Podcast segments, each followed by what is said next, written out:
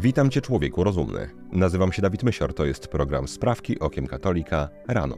Jest piątek, 19 stycznia. Dziś dzień ferialny czwartej klasy oraz wspomnienie świętych Mariusza, Marty, Audyfaksa i Abachuma, męczenników. Wszystkie sprawy nasze prosimy Cię, Panie, natchnieniem Twoim uprzedzaj, a pomocą wspieraj, aby wszelka modlitwa i praca nasza od Ciebie się poczynała i przez Ciebie się kończyła. Przez Chrystusa, Pana naszego. Amen. Watykan. W niedzielny poranek w Bazylice Świętego Piotra miały miejsce pierwsze szkolenia z błogosławienia homoseksualnych par. Duchowni byli uczeni, by zrobić szybki znak na czole, nie trwający dłużej niż 15 sekund. Kapłan będzie musiał cicho wyrecytować modlitwę, na tyle krótką, by nie przekroczyć terminu zaproponowanego przez prefekta dykasterii nauki wiary, kardynała Fernandeza, o którego pornograficznej książce mówiliśmy wczoraj. Błogosławiący ksiądz ma w trakcie odmawianej przez siebie po cichu modlitwy palcem uczynić mały krzyżyk na czole homoseksualisty lub cudzołożnika.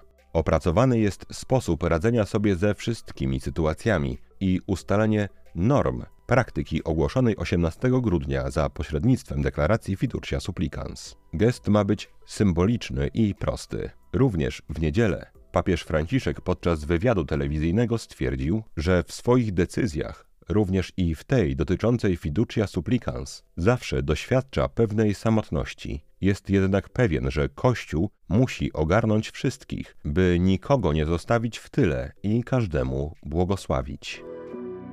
Niemcy jak informują niemieckie media, czterech muzułmańskich uczniów chciało w jednej ze szkół w nadereni północnej Westfalii wprowadzić szariat. Ich zdaniem uczniowie wyznający islam powinni móc wcześniej opuszczać zajęcia, by udać się na piątkowe modlitwy. Kobiety powinny się zakrywać, a w klasach powinna obowiązywać separacja płci. Uczniowie przyznali też głośno, że są przeciwni demokracji i krytykowali innych muzułmańskich uczniów, którzy w ich opinii byli złymi muzułmanami.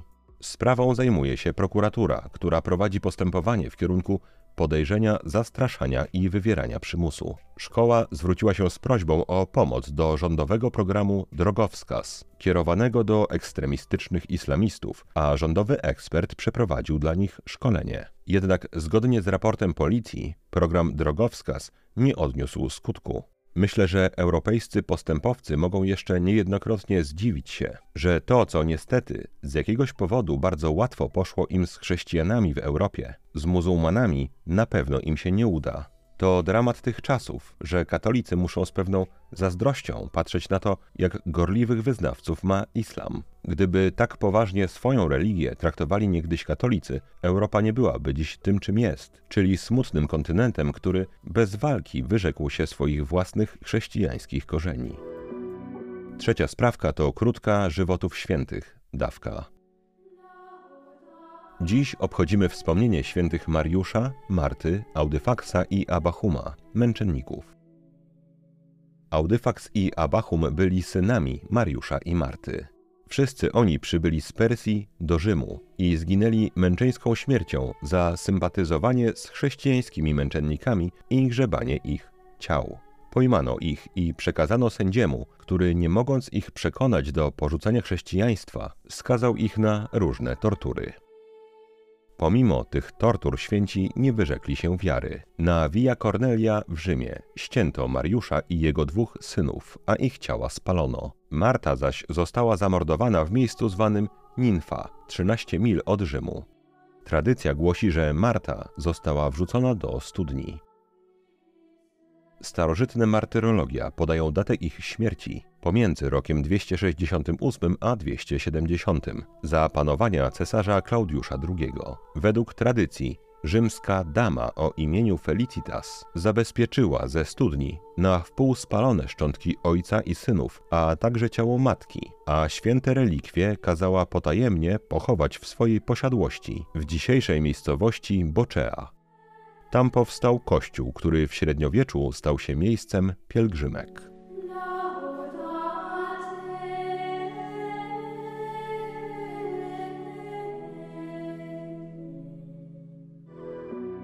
Ponownie Watykan. Papież Franciszek podczas noworocznego przemówienia do dyplomatów wezwał do wprowadzenia światowego zakazu surogacji. Ojciec Święty powiedział: Uważam za godną ubolewania praktykę tzw. Tak macierzyństwa zastępczego, które stanowi poważne naruszenie godności kobiety i dziecka, polegające na wykorzystywaniu sytuacji materialnej matki. W związku z tym wyrażam nadzieję, że społeczność międzynarodowa podejmie wysiłki na rzecz powszechnego zakazu tej praktyki. Kilkanaście dni później papież powtórzył swoją krytykę surogacji w serwisie X.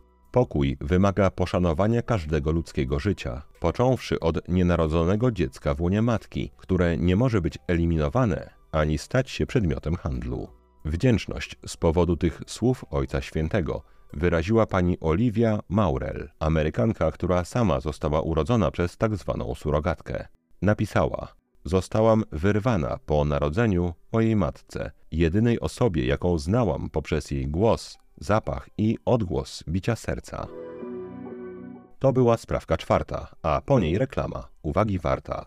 Już nie po raz pierwszy polecam książkę księdza Feliksa Cozela pod tytułem Rodzina chrześcijańska. Książka ta to prawdziwa duchowa podróż, podczas której odnajdziemy kształt, obowiązki, sens oraz piękno katolickiej rodziny. Autor w oparciu o przykłady i anegdoty przedstawia zasady, którymi powinny kierować się rodziny chrześcijańskie, począwszy od sposobów na wybór odpowiedniego małżonka, przechodząc przez obowiązki męża i żony, a skończywszy na rozważaniach dotyczących spraw ostatecznych. Rozdział pierwszy dotyczy czasu narzeczeństwa, rozdział drugi i trzeci traktują odpowiednio o przymiotach oraz obowiązkach męża i żony. Zdecydowanie najdłuższym rozdziałem tej książki jest rozdział czwarty, w całości poświęcony katolickiemu wychowaniu dzieci. W książce znajdziemy również pouczenie o potrzebie opieki nad chorym członkiem rodziny, jak również omówienie zagadnienia śmierci najbliższych osób. Jest to kompendium praktycznej wiedzy o tym, jak stworzyć i jak być szczęśliwym w prawdziwej katolickiej rodzinie. Link do zakupu tej książki znajdziesz, mój drogi słuchaczu, na samym początku opisu tego filmu. Wydawnictwo Magna Polonia specjalnie dla słuchaczy sprawek zdecydowało się do pierwszych stu zakupionych książek dodać płytę z audiobookiem, godnej polecenia książki o dobroci ojca Federica Fabera. Natomiast czy z audiobookiem, czy bez, byłoby z wielkim pożytkiem dla Polski, gdyby jak najwięcej ludzi przeczytało książkę Rodzina Chrześcijańska, a następnie stosowało zawartą w niej wiedzę. Stany Zjednoczone. Poniedziałkowe prawybory w stanie Iowa, pierwsze z serii republikańskich prawyborów, zdecydowanie wygrał były prezydent Donald Trump. Zdobył on 51% głosów, wygrywając w 98 z 99 hrabstw. Zanim znaleźli się gubernator Florydy pan Ron DeSantis, który zdobył 21,2% poparcia oraz była ambasador USA przy ONZ pani Nikki Haley, która otrzymała 19,1% głosów. To właśnie ona wygrała z Trumpem w jednym hrabstwie, zaledwie jednym głosem. Czwarte miejsce z wynikiem 7,7% zdobył przedsiębiorca indyjskiego pochodzenia pan Vivek Ramaswamy, który po ogłoszeniu wyników wycofał się z kampanii i poparł Donalda Trumpa. Rozentuzjazmowany tłum krzyczał w jego kierunku hasło wiceprezydent, a sam Trump zapowiedział dalekosiężną współpracę z Ramasłamim. Podczas zwycięskiego przemówienia były prezydent zapowiedział, że zjednoczy podzielony kraj i rozwiąże problem Ukrainy i Izraela. Zaatakował też Partię Demokratyczną, media oraz komunistów, faszystów i marksistów. Polska. Na Wydziale Nauk Społecznych Uniwersytetu Gdańskiego od początku roku trwa pilotażowy program badający więzi międzygatunkowe. W akcji zatytułowanej Pies na WNS bierze udział kilkanaście osób wraz z czworonogami, Początkowo zgłosiły się 34 osoby, jednak część z nich zrezygnowała z powodu stresu u psa, wywołanego sylwestrowymi fajerwerkami lub podróżą komunikacją miejską. Jak wyjaśnia koordynatorka projektu pani dr Magdalena Gajewska, wraz z pozostałymi naukowczyniami przeprowadziła ona wstępne badania wśród bezdzietnych par, które tworzą rodziny międzygatunkowe z psami. Rozmówcy wskazywali, że Ogromnym wsparciem jest dla nich, gdy pracodawcy pozwalają im przychodzić do pracy z psem. Doktor Gajewska powiedziała: Rodzinność międzygatunkowa nie musi pozostawać w cieniu naszego prywatnego życia, a miejsca pracy czy nauki mogą ją wspierać. Po zakończeniu projektu mają być opracowane rekomendacje dla dziekana, aby umożliwić studentom i pracownikom przychodzenie z psami na wydział.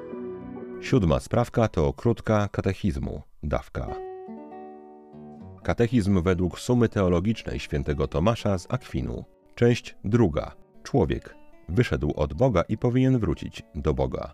Rozdział pierwszy. Ujęcie ogólne powrotu człowieka do Boga. Punkt czternasty. O grzechach śmiertelnych i powszednich. Jakie są grzechy, za które Bóg każe karą wieczną? Są to grzechy śmiertelne. Co należy rozumieć przez grzechy śmiertelne? Należy rozumieć grzechy, które powodują śmierć duszy, sprawiając, że traci ona miłość, która jest zasadą jej życia nadprzyrodzonego. Dlaczego w przypadku tych grzechów Bóg karze karą wieczną? Dlatego, że te grzechy, powodując utratę w duszy tego życia, które tylko Bóg może dać, nie pozwalają następnie grzesznikowi naprawić swojego grzechu. Gdy grzech ten zawsze trwa, zatem i kara za ten grzech musi tak samo zawsze trwać. Czy wszystkie grzechy, które popełnia człowiek, są grzechami śmiertelnymi? Nie, nie wszystkie grzechy, które popełnia człowiek, są grzechami śmiertelnymi. Jak nazywamy grzechy, które nie są śmiertelne? Nazywamy je grzechami powszednimi. Co oznacza termin grzech powszedni? Oznacza on grzechy mniej ciężkie, które nie pozbawiają duszy tej zasady życia nadprzyrodzonego, którą jest miłość, czyli łaski, i które w konsekwencji mogą być naprawione przez grzesznika za sprawą zwykłego działania łaski poprzez jego uczynki przeciwne grzechowi. Dzięki temu kara za nie jest zawsze czasowa i jest to powód, dla którego są nazywane powszednimi, czyli łatwymi do wybaczenia. Czy jeśli jednak grzechy powszednie byłyby popełnione przez kogoś w stanie grzechu śmiertelnego, a ten człowiek umarłby w tym stanie, to czy jego grzechy powszednie zostałyby ukarane karą wieczną? Tak, a to z tego powodu, że nie mając miłości, nie mógłby on wcale naprawić swoich grzechów, które po jego śmierci stałyby się wiecznie nienaprawione z czego wynika to, że istnieją grzechy, które są śmiertelne oraz grzechy, które są powszednie. Wynika to z natury nieuporządkowania powodowanego przez grzech powszedni i śmiertelny oraz z większej lub mniejszej wolności w przypadku podmiotu, który grzeszy. Co to znaczy, że wynika to z natury nieuporządkowania powodowanego przez grzech powszedni i śmiertelny? Znaczy to, że istnieją pewne grzechy, które jako takie przeciwstawiają się bezpośrednio nadprzyrodzonej miłości Boga, będącej zasadą życia duszy, czyli są całkowicie nie do pogodzenia z tą miłością. Jednocześnie są też inne grzechy, które powodując tylko pewien lekki, przygodny nieporządek, nadal są do pogodzenia z tą nadprzyrodzoną miłością Boga, zamieszkującą w duszy. Jakie są te grzechy, które jako takie przeciwstawiają się bezpośrednio nadprzyrodzonej miłości Boga, będącej zasadą życia duszy, czyli są całkowicie nie do pogodzenia z tą miłością? Od odpowiedzi na to pytanie zaczniemy w poniedziałek.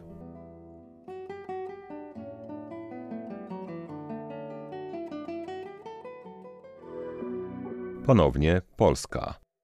Sąd rejonowy w Opolu uniewinnił działacza Fundacji Pro Prawo do Życia, oskarżonego przez panią Agnieszkę o to, że jej dziś 14-letni, autystyczny syn Franek doznał kilka lat temu traumy na widok antyaborcyjnych plakatów. Według kobiety chłopak dostał ataku paniki, co spowodowało u niego stres pourazowy z powodu ujrzenia plakatów przedstawiających dziecko zamordowane w wyniku tzw. Tak aborcji oraz zdjęcie Adolfa Hitlera.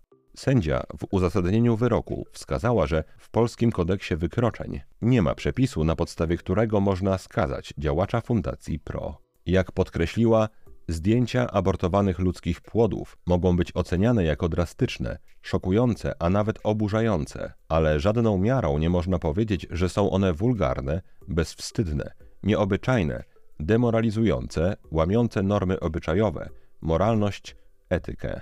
Ze swojej strony dodam, że jeżeli prawdą jest cała historia o reakcji autystycznego Franka, to reakcja ta była spowodowana faktem, że zobaczył śmierć. Trudno mi sobie wyobrazić najbardziej drastyczne zdjęcie na przykład z amputacji nogi, które być może poza odwróceniem wzroku spowodowałoby jakąś traumę, na przykład niemożność spania w nocy, co innego zdjęcie przedstawiające w sposób drastyczny śmierć. Na zdjęciach abortowanych dzieci widać śmierć. Ciekawe, czy pani Agnieszka poza pozwaniem Fundacji Pro Prawo do Życia jednocześnie przyłączyła się do sprawy, o którą ta fundacja walczy.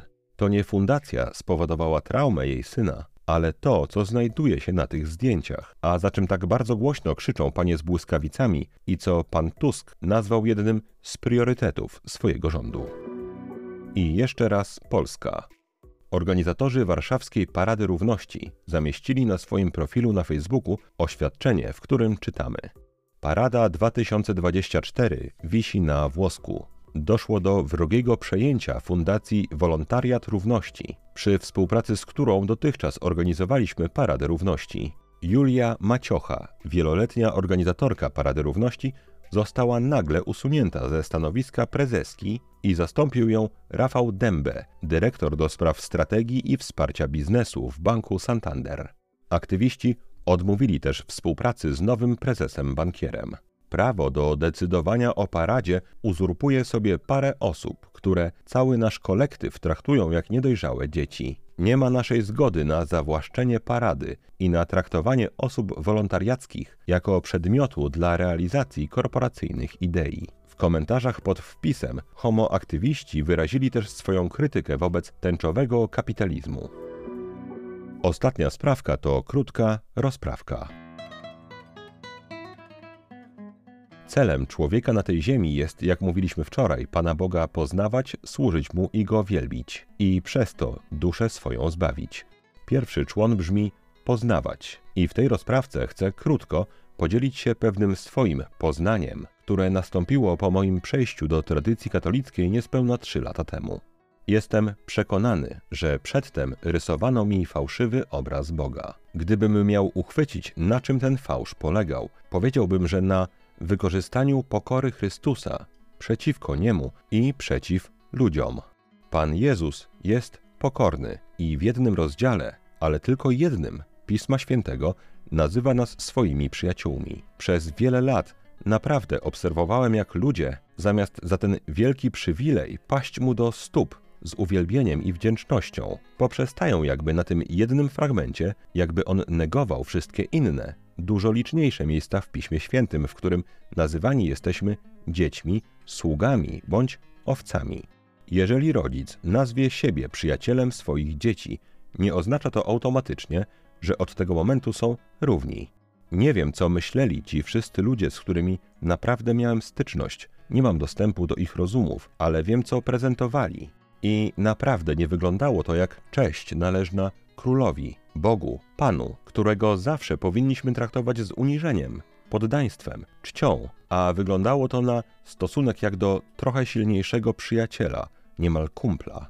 Nie zapomnę sytuacji, jak jedna z osób na pewnych rekolekcjach nazwała Pana Boga szefunciem. Ludzie byli rozczuleni. Pogrążyłem się wtedy w myślach. Z jednej strony to jest takie słodkie, ale z drugiej na pewno nie katolickie. Patrzyłem na kapłana, czy zareaguje. Wyglądał, jakby to aprobował. Obowiązkiem człowieka jest Pana Boga poznawać, a nie samemu go sobie rysować. To nie my ustalamy, jaki jest Bóg, my możemy to jedynie odkrywać. I chciałbym prosić Cię, mój drogi słuchaczu, żebyśmy nigdy nie dawali się zwodzić wizerunkom modernistycznym, w których zawsze wydaje się patrzeć na jedną stronę Boga, tę, która w osobie Syna nazywa nas przyjaciółmi, która zadaje się z grzesznikami, przy czym trzeba zaznaczyć, by ich nawracać i ratować, a nie błogosławić w ich grzechu, która jest pokorna, która okazuje miłosierdzie. Jeżeli będziemy patrzeć tylko na tę jedną stronę, wypaczymy obraz Pana Boga ku zupełnie niekatolickiemu. Pan Bóg bowiem jest jednocześnie miłosierny i sprawiedliwy, jednocześnie jest barankiem i Bogiem, przy którym ja jestem mniejszy niż ziarenko piasku w porównaniu do kosmosu, a dobro we mnie w porównaniu do dobra w nim jest zerowe. Gdybym miał wskazać taką główną różnicę między moją religijnością przed przylgnięciem do tradycji i po nim, byłby to, według mnie, wyprostowany stosunek do Pana Boga. To, co zwykle kojarzy się z różnicą między tradycją a współczesnym, rozpowszechnionym obliczem Kościoła, czyli ryt mszy świętej, jest tak naprawdę częścią dużo większej różnicy. I według mnie w docieraniu ludzi do tradycji, czyli do prawdy, to może być poważna przeszkoda. Konieczność odkłamania wizerunku Chrystusa, kolegi, kumpla czy szefuncia, konieczność wymazania ze swojej głowy wizerunku Chrystusa z filmu The Chosen, który to wizerunek z katolickiego punktu widzenia jest wręcz bluźnierczy. Myślę, że to jest w pewnym sensie przeszkoda w docieraniu do tradycji, konieczność zrozumienia, że miłość Boga do mnie, miłość Chrystusa do mnie, Jego deklarowana przyjaźń, którą mi oferuje i którą w swoim majestacie wyraził, nie zmieniają faktu, że przede wszystkim trzeba paść przed Nim na twarz, a reszta się ułoży. Maryjo, posłuż się mną dziś jak chcesz. Wykorzystaj mnie jak chcesz, byle tylko choć jeden grzesznik zszedł z drogi zatracenia, poszedł do spowiedzi świętej i zwrócił się ku Panu Jezusowi. To na dzisiaj wszystkie sprawki okiem katolika rano. Jeżeli chcesz nam pomóc, daj proszę łapkę w górę pod tym filmem na YouTubie i napisz co najmniej pięciowyrazowy komentarz. Jeżeli chcesz wesprzeć zespół sprawek okiem katolika, regularnie na Patronite lub tutaj na YouTubie albo jednorazowo przez wpłatę najmniejszej chociaż kwoty. To szczegóły, jak można to zrobić, znajdują się w opisie tego odcinka. Następna msza święta w intencji o Boże błogosławieństwo dla wszystkich wspierających finansowo ten kanał. Oczywiście msza tradycyjna zostanie odprawiona 4 lutego. Mój drogi słuchaczu, życzę Ci błogosławionego dnia. Święci Mariuszu, Marto, Audyfaksie i Abachumie, módlcie się za nami. Człowieku rozumny, trzymaj się, nie łam się i bardzo Ci dziękuję za Twój czas. Mam nadzieję, że do usłyszenia w poniedziałek. Zostań z Panem Bogiem.